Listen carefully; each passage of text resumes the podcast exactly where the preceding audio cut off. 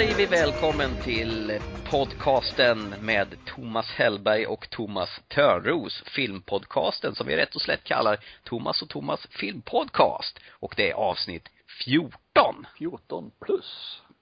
plus. Känner du 14 Ja, det är plus? 14 plus med tanke på sommarspecialen vi hade också ju. Ja, exakt. Har du hämtat det från den än? Ja, bakgrunden har släppt för ett par dagar sedan, helt klart. Ja, det är sant. Och eh, bara för att eh, hylla förra programmet så gör vi så här. Åh, hör du den? Och så gör vi så där. Åh, vad gott. Åh, vad gott. Hörru. Åh, åh, vänta. Ah, nu är jag redo att köra. alltså man blir nästan lite helgalkis nu på sommaren. Ja, nej, jag är absolutist mer eller mindre nu så att, eh, Du är ja, det? jag har inte druckit någonting på hur länge som helst. Två dagar? Ja, typ. Ja, okej. Okej, du är också absolutist. Nu, nu sket det sig. Återfall. Japp, som vanligt. Men jag var, jag var det i två sekunder. Exakt. Idag har vi tre stycken fina filmer som vi ska prata om. Vad annorlunda. Ja, Inge, ingenting sånt där som komma skall. Nu har vi varit flitiga och haft semester, då hinner vi se massa tokigheter. Det blev ett brett spe spektrum den här gången. Ja, vi blandar och ger ganska ordentligt. Det är svenskt och det är amerikanskt och det är amerikansk skräck. Ja, och lite komedi, romantiskt. Mhm. Ska vi börja med komedi för att börja lite glättigt och kladdigt och smetigt? Ja, det är egentligen något som jag trodde att det här kan ju vara för mig. Hur, hur ska jag vara? Det här. Mm, du, du är ju 40 så det borde ju passa ja, dig. precis. Det här är ju This is 40. Ja, eller hur? Så jag tänkte, nu måste jag få veta hur jag ska vara, om jag är som jag ska vara eller om jag måste ändra på mig. Och jag måste nu ändra på mig. Mm. Ja, om jag ska vara ärlig så såg jag den här filmen när den kom på DVD här för några veckor sedan. Och, eh, och, och vi, när vi be- bestämde att vi skulle prata om den här så känner jag att jag kommer inte ihåg så mycket om den faktiskt. Jag har sett den lite nyligen så, med, så att eh, Ja. jag ska väl kunna ta lite igenom den alla Du, refresh my memory så ska jag nog hänga på, ska vi se. Eh, det är som sagt var, det är, eh, filmen heter This is 40. Det står att det är en komedi. Jag skulle nog ta klassa den mer som en eh, romantisk, eh, lite relations, göra bort sig film. Drama. Mm, med en litet uns av drama också ja, skulle jag vilja precis. Jag sa drama där, men inte, hör du det? Sa du drama? Jajamän. Du får lyssna på Okej. sändningen så får du se den. Ja, okej. Mm. Eh, den är väldigt kaotisk den här filmen egentligen. Eh, Mm. Det handlar om ett par. De har egentligen varit tillsammans länge. De har två barn. Eh, båda två ska fylla 40 fast den ena envisas med att hon är 38. Ja, är det inte typiskt tjejer, de vill vara yngre än vad egentligen Ja, är? hon säger att hon Ja. är inte redo för att gå på tantavdelning, vilket man gör när man är 40 visst. Och eh, det börjar knaka lite grann överallt där man båda två går igenom sin 40-årskris exakt samtidigt.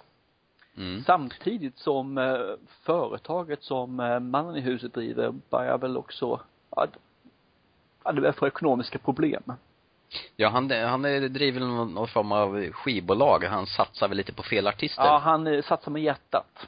Ja, och inte med hjärnan någonstans. Och frun har en butik som hon driver och som helt plötsligt fattas 12 000 dollar i.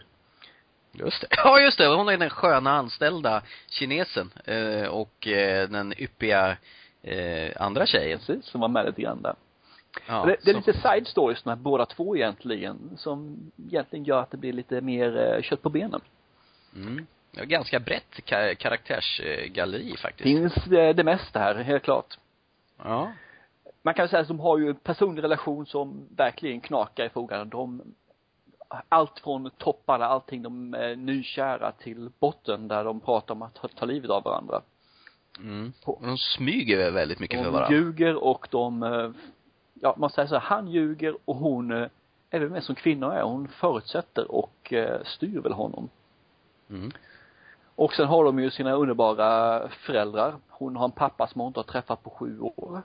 Och innan dess har hon väl träffat hon- honom när han var åtta år. När hon var åtta år gammal då alltså. Och innan dess då så var det väl, väldigt sporadiskt i alla fall. Mm. Och- Och han har ju sin farsa som är beroende av honom. Ja, han lånar ut pengar. 8000 dollar tror jag han har lånat ut till honom totalt Mm. under de sista åren här. Vilket ju är rätt så kast att göra när man själv har ekonomiska problem då. Mm. Sen syr man ihop de här på ett faktiskt ganska sinnrikt sätt. Ibland så kan filmen ta lite överhand som jag känner att det, det blir lite för mycket för låg humor för, för mycket göra bort sig humor.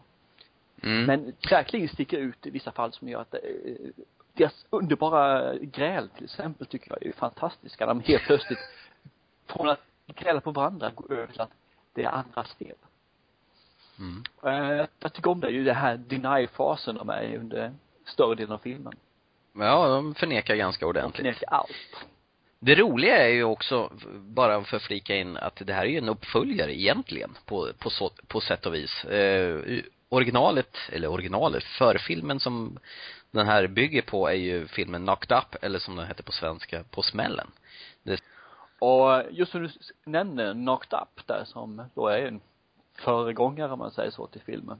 Det verkar som att de har verkligen tagit karaktärer härifrån också som är härifrån för vi har ju, först har vi ju eh, regissören Judd Apatow som då gjorde Knocked Up också. Och The 40 Year Old Virgin bland annat. Stämmer bra. Sen har vi Paul Rudd som är huvudkaraktären, den manliga huvudkaraktären, vilket också var med i, vad heter det, Knocked Up och 40 Year Old Virgin. Mm. Vi har Leslie Mann, det är frugan i huset, som var med i Knocked Up och 40 Year Old Virgin. Ja. Han verkar liksom eh, ha sitt stall med kompisar som han återanvänder. Sen så ska vi faktiskt frångå lite grann härifrån detta och det är när vi går in på deras äldre dotter, Maud Apatow, Ja. som bara var med i Knocked Up. Okej. Det är hon som är så vansinnigt förtjust i Lost va? Jajamän. Hon Ja. är katastrof där när hon inte ser Ja. Sen har vi ju Iris Apatow, som då är den lilla dottern i den här, som då också var med i Knocked Up på smällen då. Ja, hon får också titta på Lost. Ah, hon får göra det i slutet där, precis. Som en Ja. liten eh, grädde på moset ja. Åh, spoiler! Ja, jag vet. Jag ger inte bort så mycket. Nej, det gör det faktiskt inte. Sen har vi den sista faktiskt av karaktärerna som är med här, som är, har något att säga till om mer eller mindre och det är Jason Segel, som vi känner igen från How I Met Your Mother. Mm, just det. Det är han som är PT, eller personlig tränare Precis. till, till. Debbie. Eller Leslie Manns Och rollfigur. vilken film han var med i? Ja, han var ju säkert med i Knocked Up. Ja, just vad duktig du är. Ja.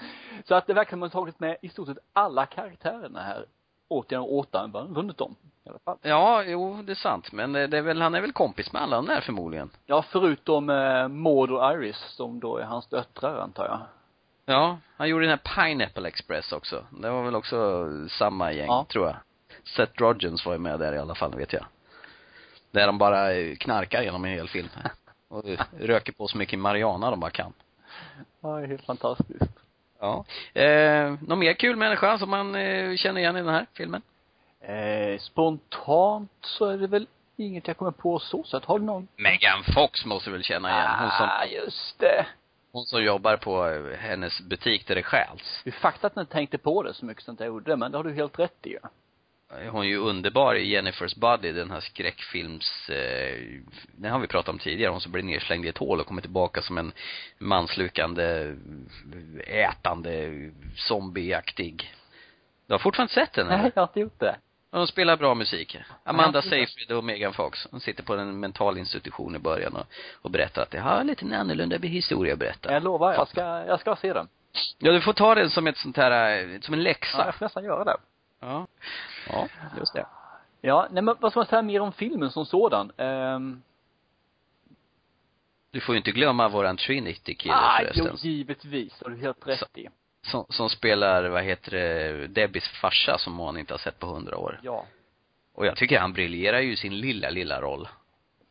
Den är väldigt liten tycker jag. Han- är en väldigt bra skådespelare, ska man inte säga något annat. Ja. Men eh, det är en liten roll, så jag, jag, jag kan inte säga varken bu eller bä om honom måste jag. Nej, exakt. Nu är det lite tragiskt att jag bara kommer ihåg Trinity-kille och jag kommer inte ihåg vad han heter. Eh, tredje klotet från solen, eller fjärde klotet från solen heter han Ja, men vad, vad heter skådespelaren då? Eh, skådespelaren, är det inte John Lightgo eller något sånt där? John Lithgow, ja. Just det, precis. Just det. Exakt. Jo, då, nej men jag tycker ändå att, trots att han har så liten roll så känns han ju väldigt trovärdig.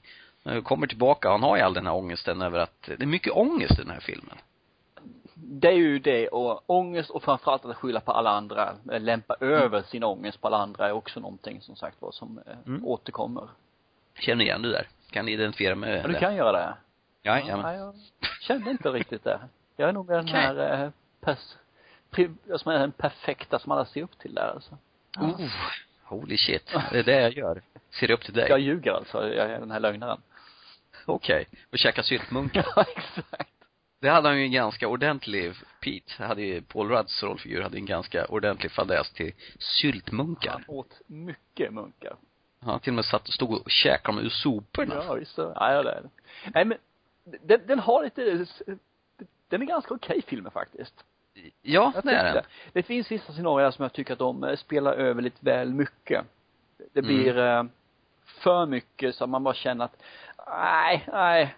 Det var faktiskt till och med en period där som jag fick stänga av den lite grann för jag kände att jag kunde inte ta åt mig filmen. Mm, Okej. Det var lite för mycket där. Det, det, lite, lite ojämnt som du säger med den här eh, underlivshumor och eh, från att gå till det till det här djupsnattsvarta. Ja. Och den vanliga humorn. Det balanserar lite ojämnt. och så ska jag frångå faktiskt det som nästan alltid säger om filmer. Och det är Mm. att slutet håller. Kanske inte riktigt slutet slutet, men slutsekvensen av filmen är superb. Det är den bästa i hela filmen som jag ser den. Mm. Så att, eh, Jo. tycker ni att den är medioker filmen, när ni ser den, så håll ut för den sista 20-25 minuterna är underbara. Där, där Mm. kommer de till sin rätt. Nej, så att jag kan säga att eh, jag kan rekommendera att se This is 40 faktiskt. eh, För alla. Men man får ju ta det för det det är. Det en romantisk komedi med, som du säger, underlivshumor och eh, rätt stor portion drama med faktiskt. Väldigt Ja. överspelad drama, men ändå finns Jo, absolut. Är Väldigt, en stor portion allvar i det hela också. Och du kommer inte som svensk att känna igen dig i det här, för det är en amerikansk historia och med så som det ser ut där. Mm. Nej men då är vi väl klara med att vara, ha fyllt 40 då? Ja, det tycker jag. eh, Det känns som att jämfört med dem så har jag ett väldigt eh, harmoniskt och bra liv. Mm. Bra! Härligt! Vi eh, går vidare i vårt fina program och eh, attackerar en nyutkommen skräckfilm. Eh, thriller. Lite obestämbar, tycker jag, i genre. Det handlar om filmen The Purge, eller om man skulle översätta det på svenska, utrensning va? Ja, rensning bara. Egentligen. Ja. Ja. Ska du dra lite plotten där? Plotten är framtidsfilm. Inte så jättelångt. Så 2020, någonstans där, 2030. skulle jag Mm. Mm. USA har kommit fram till att de, det går inte, det här funkar inte längre. Samhället är eh, för våldsamt, det är för mycket brottslingar. Ekonomin är i botten. Så några blir valda, några frälsare blir valda och inser att vi måste göra en radikal förändring och för då in att en dag om året så är allt tillåtet. Allt är tillåtet. Vill du våldta, vill du stjäla, vill du mörda, allting bara funkar och du får inga repressalier för det. Ja, mord är ju inklusive Ja, tillåtet. ja, har allt är tillåtet. Mm. Och då finns det ju de som eh, vill delta. Och det finns de som inte vill delta och barrikadera sig då och har så här skyddsanordningar på husen och hela kört då. Mm. Och man kan säga så här att det här har ju också lett till att USAs ekonomi blomstrar. De är återigen ett av eh, världens största ekonomier som går framåt. Det funkade alltså det, Det här här funkar att, eh, Kr- Ja. Klockrent. För det, de, man säger så här att det finns ju två läger kan man säga lite grann. Det finns de som tycker att det är bra och de som tycker att det är mindre bra som sagt var ju. Och de som blir utrensade egentligen här då, det är ju de hemlösa, de sjuka, de fattiga, för de har ju inte pengar att försvara sig. nej.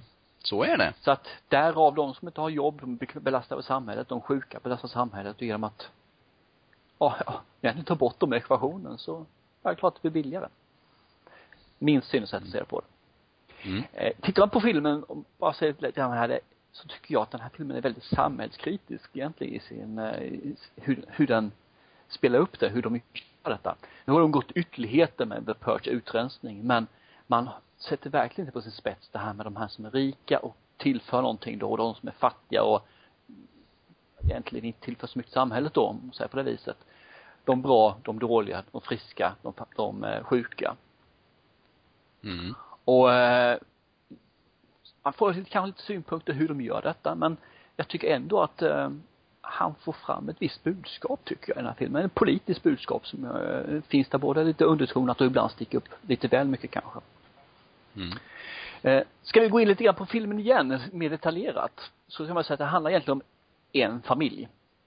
Och de har varit fattiga innan, här man säger så, och nu arbetar sig upp så, och är då i stort sett de rikaste kvarteret. Ja, han säljer väl de här äh, säkerhetsinstallationerna i hela kvarteret. Stämmer bra det. Och han har ju Sam- till i, stort sett alla och har nog blivit mer eller mindre ut, ja, han, han har ju köpt huset och allting som finns i huset genom de här larm. Och han kommer väl hem och förklarar för sin fru, eh, Ethan Hawke ska vi säga att det är som spelar huvudrollen i den här filmen. Samma skådespelare som spelade i den här fantastiska, eh, Slither heter den va? Nej, Slither. Sinister. Sinister, tack. Och det är, det är faktiskt samma produktionsteam som har gjort den. Kanske därför Ethan Hawke fick återigen spela huvudrollen, vad vet jag? Kan vara så, kan vara så. Jajamän. Eh, han kommer ju hem och är överglad för att han har ju, nu ligger han ju etta på deras försäljningslista över att ha sålt flest säkerhetsanordningar. Och eh, han har ju blivit väldigt tät. Yes. Och eh, familjen är väldigt tät. Och de har det bra Och det- som sagt, de har det mycket bättre än övriga grannskapet. Vi har Ja. ju blivit lite, Och det nosar lite avundsjuka från grannarna. det gör det ju. Mm. Eh, man kan väl säga så här, att den här eh, familjen då, de har ju sagt att de ska inte vara med i The Purge då, utan de barrikaderar sig. Och har då det latest state of art när det gäller skyddsutrustningar. Mm. Och det är väl 12 timmar på det dygnet som de får stänga in sig. Från sju på kvällen till sju på morgonen va? Ja, det stämmer, det stämmer. Mm. Och det finns väl lite slitningar i familjen där. Eh, Han har ju Mm. jobbat väldigt mycket och fått detta medan eh, dottern, hon känner sig väl trängd som en tonårsdotter brukar göra, eller egentligen tonår överhuvudtaget ja. I- oförst- Hon är inte förstådd och hon får inte göra det hon vill göra och så vidare. Nej, hon har väl träffat en mycket äldre kille som eh, hennes pappa inte accepterar. Exakt. Som smygdejtar väl när de inte märker det. Sen har vi eh, lille sonen. Ja, han är lite Burkholder. speciell. Ja, han är ju speciell för han är ju nästan en pacifist får man säga i den här filmen. Han är ju den som verkligen avskyr detta.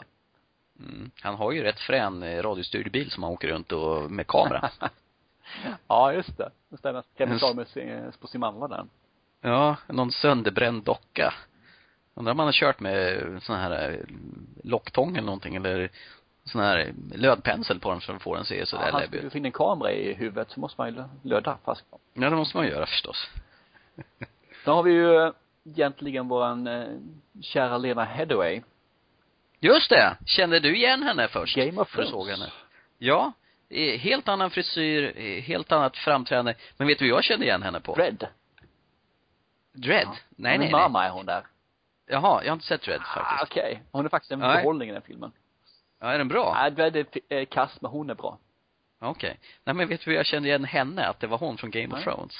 Hon satt och drack vin. Ja! För det För, för det gör hon ju i hela Game Stämmer. of Thrones. Hon, hon har ju alltid ett vinglas i näven och så ser hon ju vinsugen ut. Eh, man ser ju hur stor skillnad det gör med bara lite hårfärg så hon är ju Ja, ja, ja. ultrablondin i Game of Thrones så här är hon ju ultrabrunett. Ja, fast jag hade lite svårt att finna henne sympatisk i den här filmen med tanke på att hon är riktig evil bitch i Game of Thrones. Faktiskt. Men, ja, jag har inga bekymmer med det faktiskt. okej. Det Nej. gick helt OK. Ja. Eh, ska vi dra vidare vad handlingen är? Eh, Ja, som sagt, för de låser in sig och det, de har ju monitorer som kan se hela grannskapet mer eller mindre runt huset. Och det slutar ju med, eller börjar rätt så snabbt med att det kommer ju en, eh, ja, hemlös antar jag det i alla fall. mm, en svart En man. svart man springande och skriker på hjälp. Och som sagt, alla kör ju lockdown, ingen hjälper honom, mer än en. Och det är då lille sonen i familjen som skjuter upp skärmarna och släpper in honom. Mm. Och eh, det är ju hjältemodigt och det är ju fantastiskt modigt Therese-aktigt det där. Problemet är ju bara att han var ju jagad av någon som känner sig Mm. ganska försmådd att de har blivit lurade på sitt byte. Ja. Och det är här jag tycker filmen börjar bli intressant, tycker jag. Jag ska vara riktigt ärlig, så trodde Ja. inte jag filmen skulle bli sån här. Nej, den tog en liten eh, rask vändning ja, där va? det gjorde den. För jag trodde man skulle vara ute i purgandet. Mm. Men Ja, men- exakt. det handlar kommer om, till det lite. om eh, det här huset och familjen.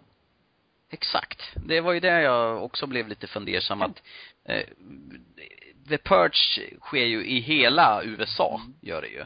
Och ändå så smalnar de ju in hela historien just till den här familjen Sandin, som de så fint heter, jättekonstigt efternamn. Sandin. Tommy Sandlin kanske? Eller? Jag var jättemissnöjd med det måste jag säga, för jag trodde du skulle få lite mer action, lite mer eh, rusa runt eh, stuket då liksom. Men efter att ha funderat någon dag på den här så kände jag att det här var helt rätt. Hur skulle man göra en rusa runt action på en purge? Det Nej, det är väl sant. Det skulle bli bara kaos av det.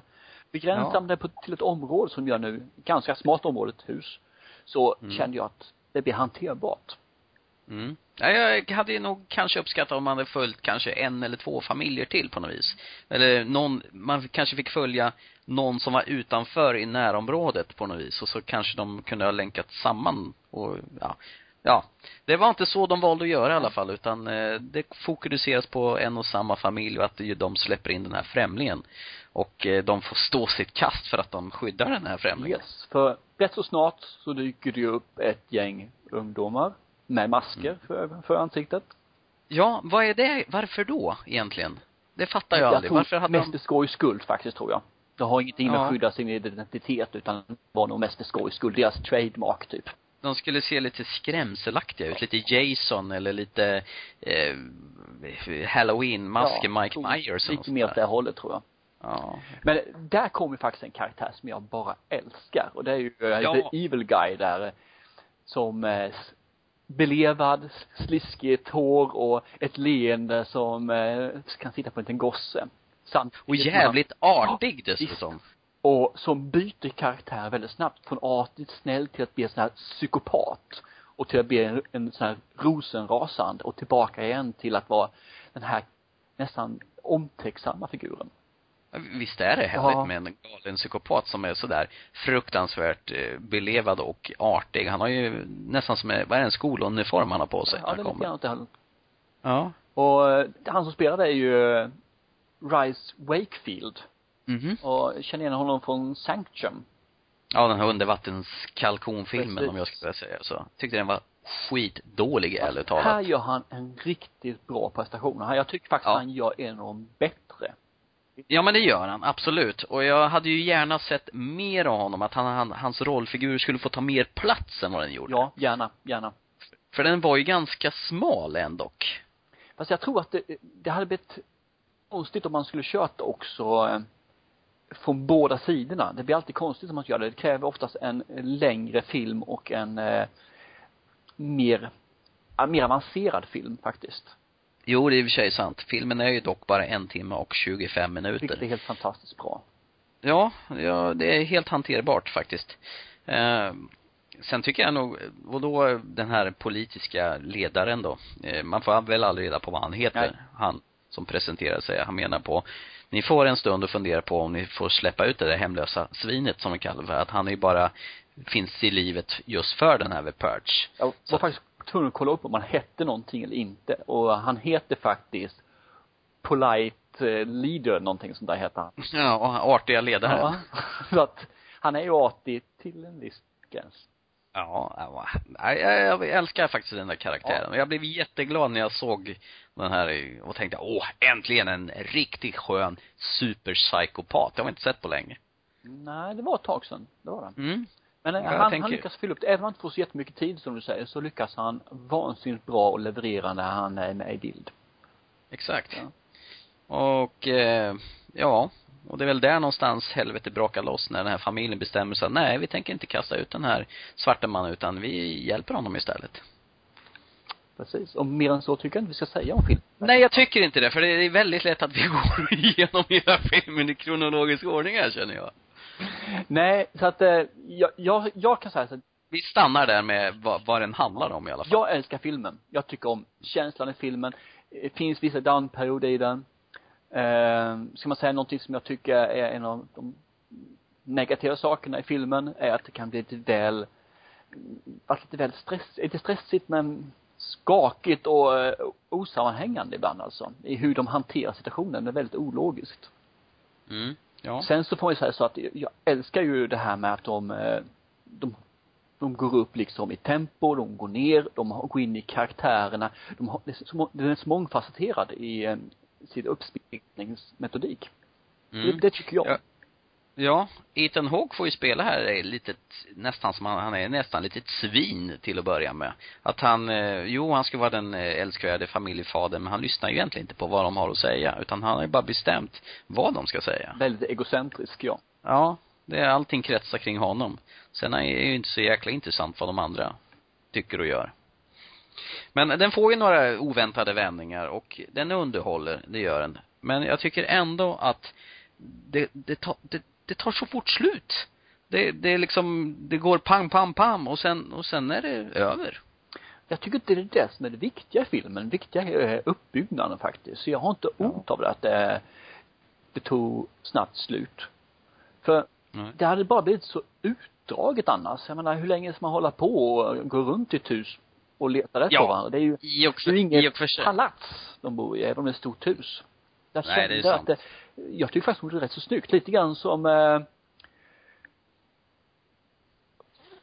attans. Vad heter filmen? Taken heter den.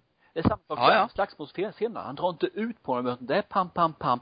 Eh, Ganska realistiskt. Och samma sak är det här. Man Mm, hittar jo, folk sant. ganska enkelt i ett hus. Det finns bara Ja. x antal rum. Även om du har elva rum så är det bara elva rum. Fast de gör lite konstiga saker dock när familjen separeras, när de på liksom, springer och letar efter varandra.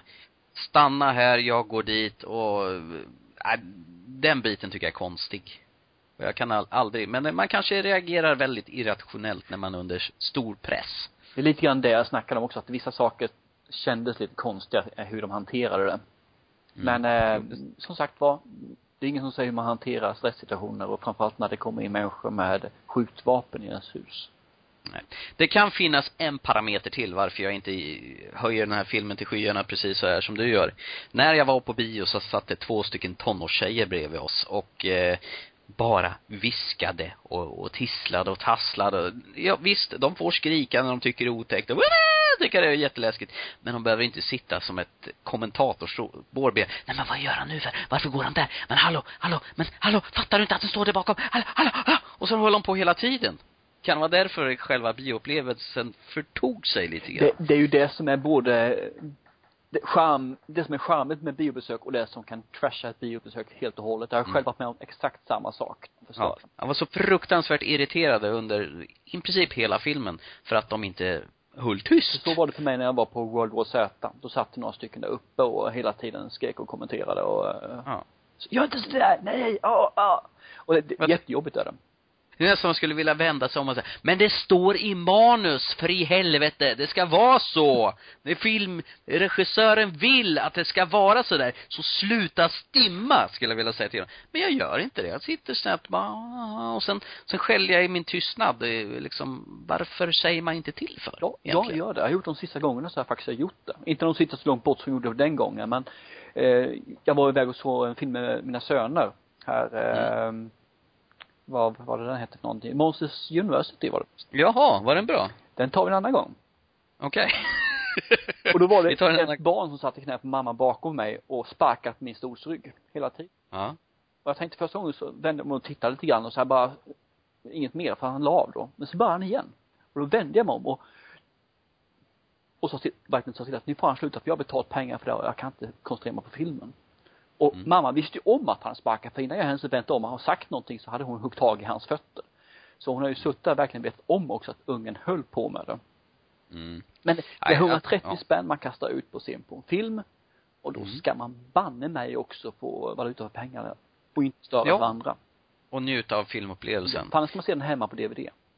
Visst är det så. Och man behöver inte sitta och bläddra och kolla sina sms och Facebook och Instagram och Twitter hela tiden under. Man kan stänga av den där telefonen och vänta några. Så, så där, nu har jag fått eh, det utagerat ur Vad systemet. gamla vi låter Thomas. Ja, jag vet. Vi är som griniga gamla Vi är gubbar. som eh, tant Edith nere i eh, tvättstugan.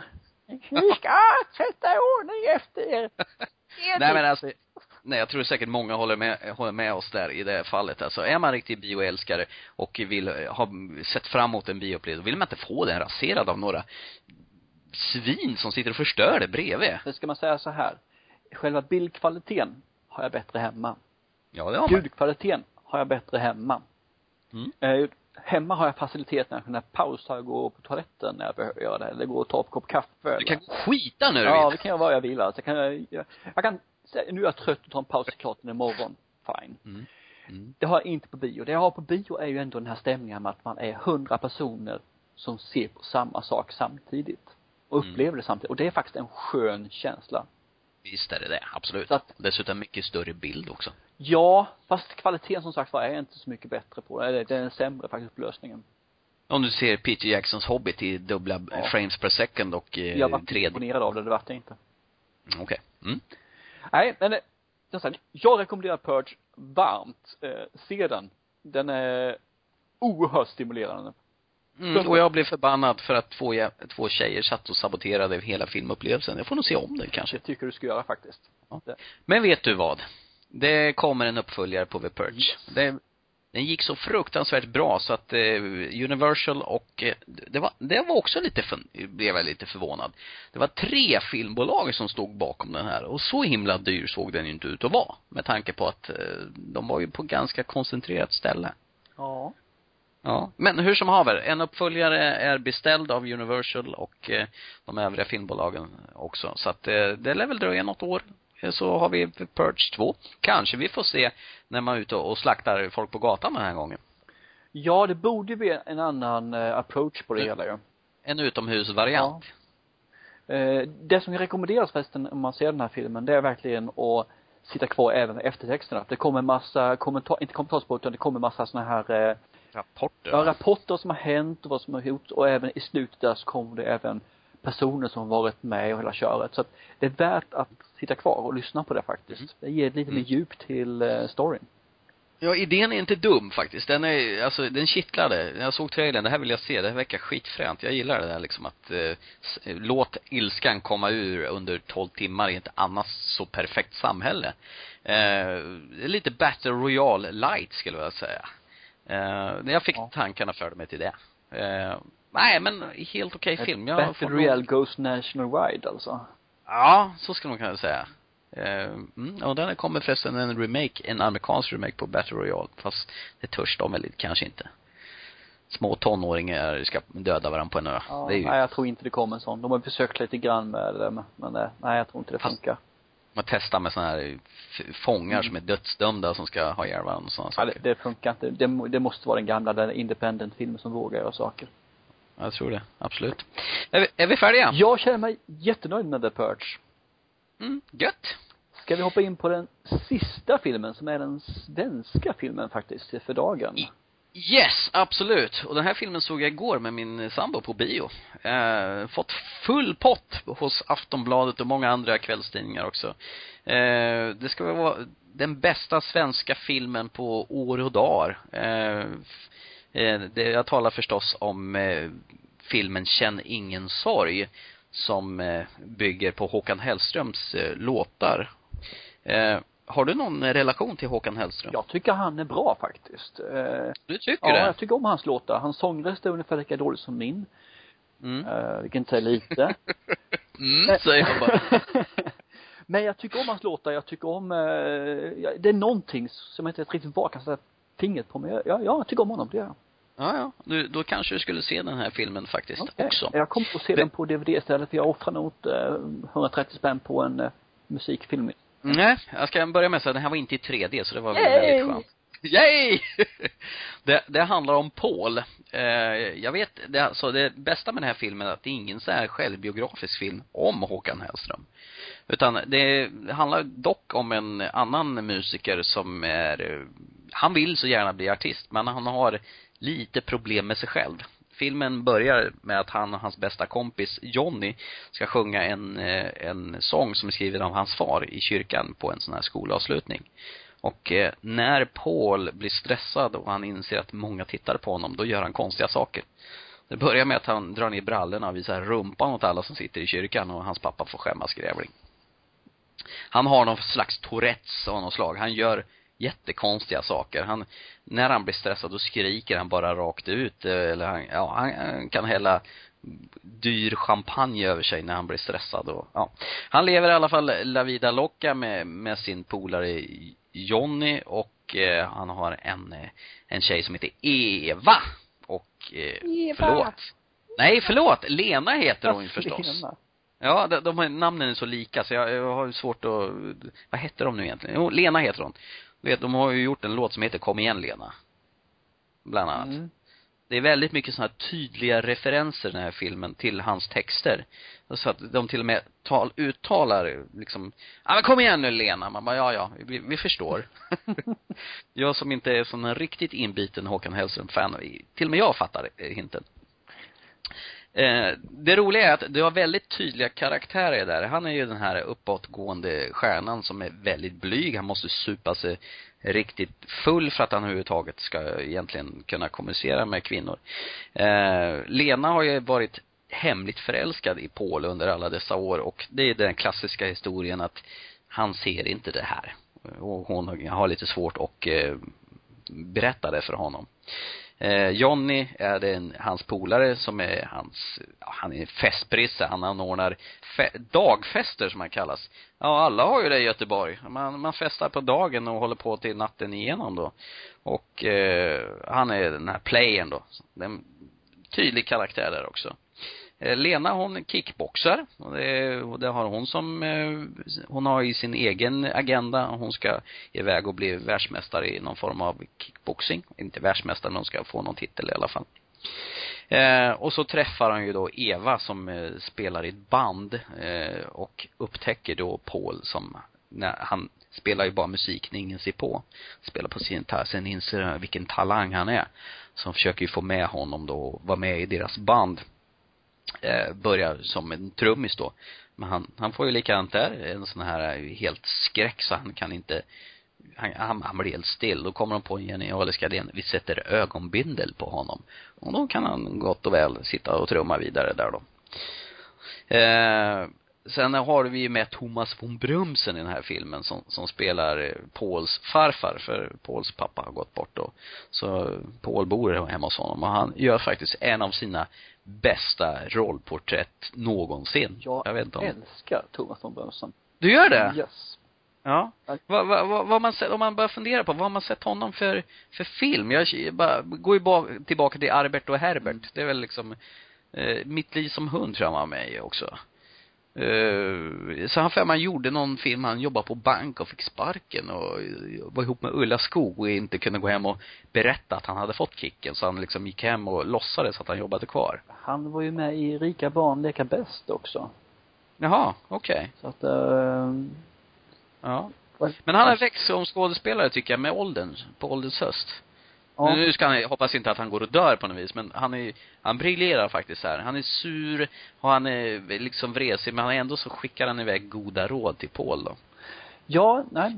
Lyssna, det är en sån här person som jag säger att har vuxit med tiden. Han var ju inte riktigt någon hundra tycker jag i början där, men som sagt var nu på sista tiden när man har sett han i, han har nått, nått djup, eller kommit, kanske tillfreds med sig själv kanske. Mm, jo, så är det. Fast, fast bäst av allt, det är ju faktiskt Paul, han som har huvudrollen, som spelas av en kille som heter Adam Lundgren. Han var med i den här svenska filmen Storm, som är någon slags Matrix-liknande med Eva Röse, om du har sett den. Nej. Nej, rätt cool film faktiskt. Eh, sen har han varit med i filmen Apflickorna som jag inte har sett. Eh, och eh, Sandro slash Ida. Det är svenska tonårsfilmer mest. Men här, han blommar ut verkligen och jag hoppas vi får se mer av den här fantastiska Adam Lundgren. Eh, det, alltså, för, för de här riktiga Håkan Hellström-nördarna så måste ju det här vara någon slags VM i referenser. För jag tror verkligen att de har stoppat in så mycket av Håkan Hellströms texter liksom i dialogen som de bara kan. Ja. Helt enkelt. Och eh, jag, jag säger så här, det bästa med den här filmen, det, det är ju mycket musik av Håkan Hellström. Och eh, det sjungs mycket musik av Håkan Hellström, men det är ingen musikal. Det är det som är så underbart. Eh, det finns en enda scen vid, vid, precis uppe på Avenyn, vid den här eh, statyn. Han som, eh, är det någon sån här undervattensgud som det symboliserar längst upp där på Avenyn. Där står de i alla fall och sjunger likt en musikal, men det är enda stället. Eh, annars så är liksom är musiken implementerad i handlingen och det, det älskar jag faktiskt. Eh, nej, eh, fantastisk film. Jag är helt såld på den här. Eh, jag, jag trodde liksom att så himla cool och bra kan det inte vara som alla vill måla ut att den var. Men det var det, faktiskt. Okej. Okay. Ja, då ska jag se på den när den väl kommer ut här på DVD. Ja. Och det är helt genialt med hans eh, utbrott, Pauls utbrott, hans tor eh, Tourettes, som man skulle kunna säga. Speciellt en scen när de ska spela på ett bröllop och eh, Reine Brynolfsson kommer dit och, och talar om för den här gruppen då att ni spelar ingen eh, musik av svarta och då får han någon utbrott och börjar skrika på tyska och nazistiska referenser. Det är helt underbart. ja, och dessutom så har man ju stoppat in Håkan Hellström på en liten cameo. Han står i ett gathörn som en fattig trubadur och ingen kastar några pengar i hans fodral. Och, och så nämner Paula, han är killen, han står här varenda dag men det är ingen som betalar hon, till honom. Vilken loser. Det var en, ja, en riktig loser. Så att det var ju faktiskt en rätt så skön eh, eh, ja, lite cameo han gör där, helt enkelt. Eh, sen är faktiskt filmen, den är rolig. Den är samtidigt en nattsvart. Den pendlar mellan humor och allvar. Och eh, faktiskt dessutom spännande. Okej. Okay. Och pricken över i den har ju den snyggaste specialeffekt i svensk films historia. De pratar om Älvsborgsbron som att den leder till Rio Janeiro. Eh, de sitter och beundrar den här på kvällarna och i en sekvens så briserar hela Älvsborgsbron och rivs och alla kablar alltihopa, eh, vad heter det, rasar. Det är bara i och för sig i hans sinne, det händer ju inte på riktigt. Men det är så snyggt gjort! Ja. Så kommer, jag tror man kommer att prata, ha det som en referens liksom. Kommer ni ihåg när ni sänkte bron i, i Känningensorg? Tror jag. Ja, riktigt bra, riktigt bra. Alltså, skitsnyggt. Och, nej. Full pott till Känningens sorg. Okej, okay. trevligt. Ja. Så där har du faktiskt en riktig gottepåse att se fram emot. Vet du när den kommer ut på DVD? Ingen aning faktiskt. Jag kan ju gissa på att det kan ju dröja ett slag i och med att den här filmen eh, blev ju en fruktansvärt, eh, vad heter det, biosuccé. Igår var en tisdag, mitt i sommaren och biosalongen var fullsatt. Oj, bra gjort. Ja, faktiskt. Och eh, jag håller, håller med. En av de bästa svenska filmerna på bra länge. Det som jag tycker är intressant i det här faktiskt, det är, jag har inte, jag vet inte, kan komma på något sådär som, eh, ja, någon film jag kommit på, men det finns alltså två stycken regissörer. Måns Mårlind och Björn Stein. Ja, exakt. Och, de och det verkar vara ett radarpar, för de har gjort väldigt, väldigt många filmer tillsammans. Ja, och det är väl de som har gjort Storm, ja, bland annat. Och de har gjort och, uh, Underworld också, Awakening. Ja, det, de drog till USA och gjorde eh, den. Ja. Och dessutom gjorde den här fantastiska svenska tv-serien Bron, om du har sett den. Nej, det har han gjort. Och bara ta som en...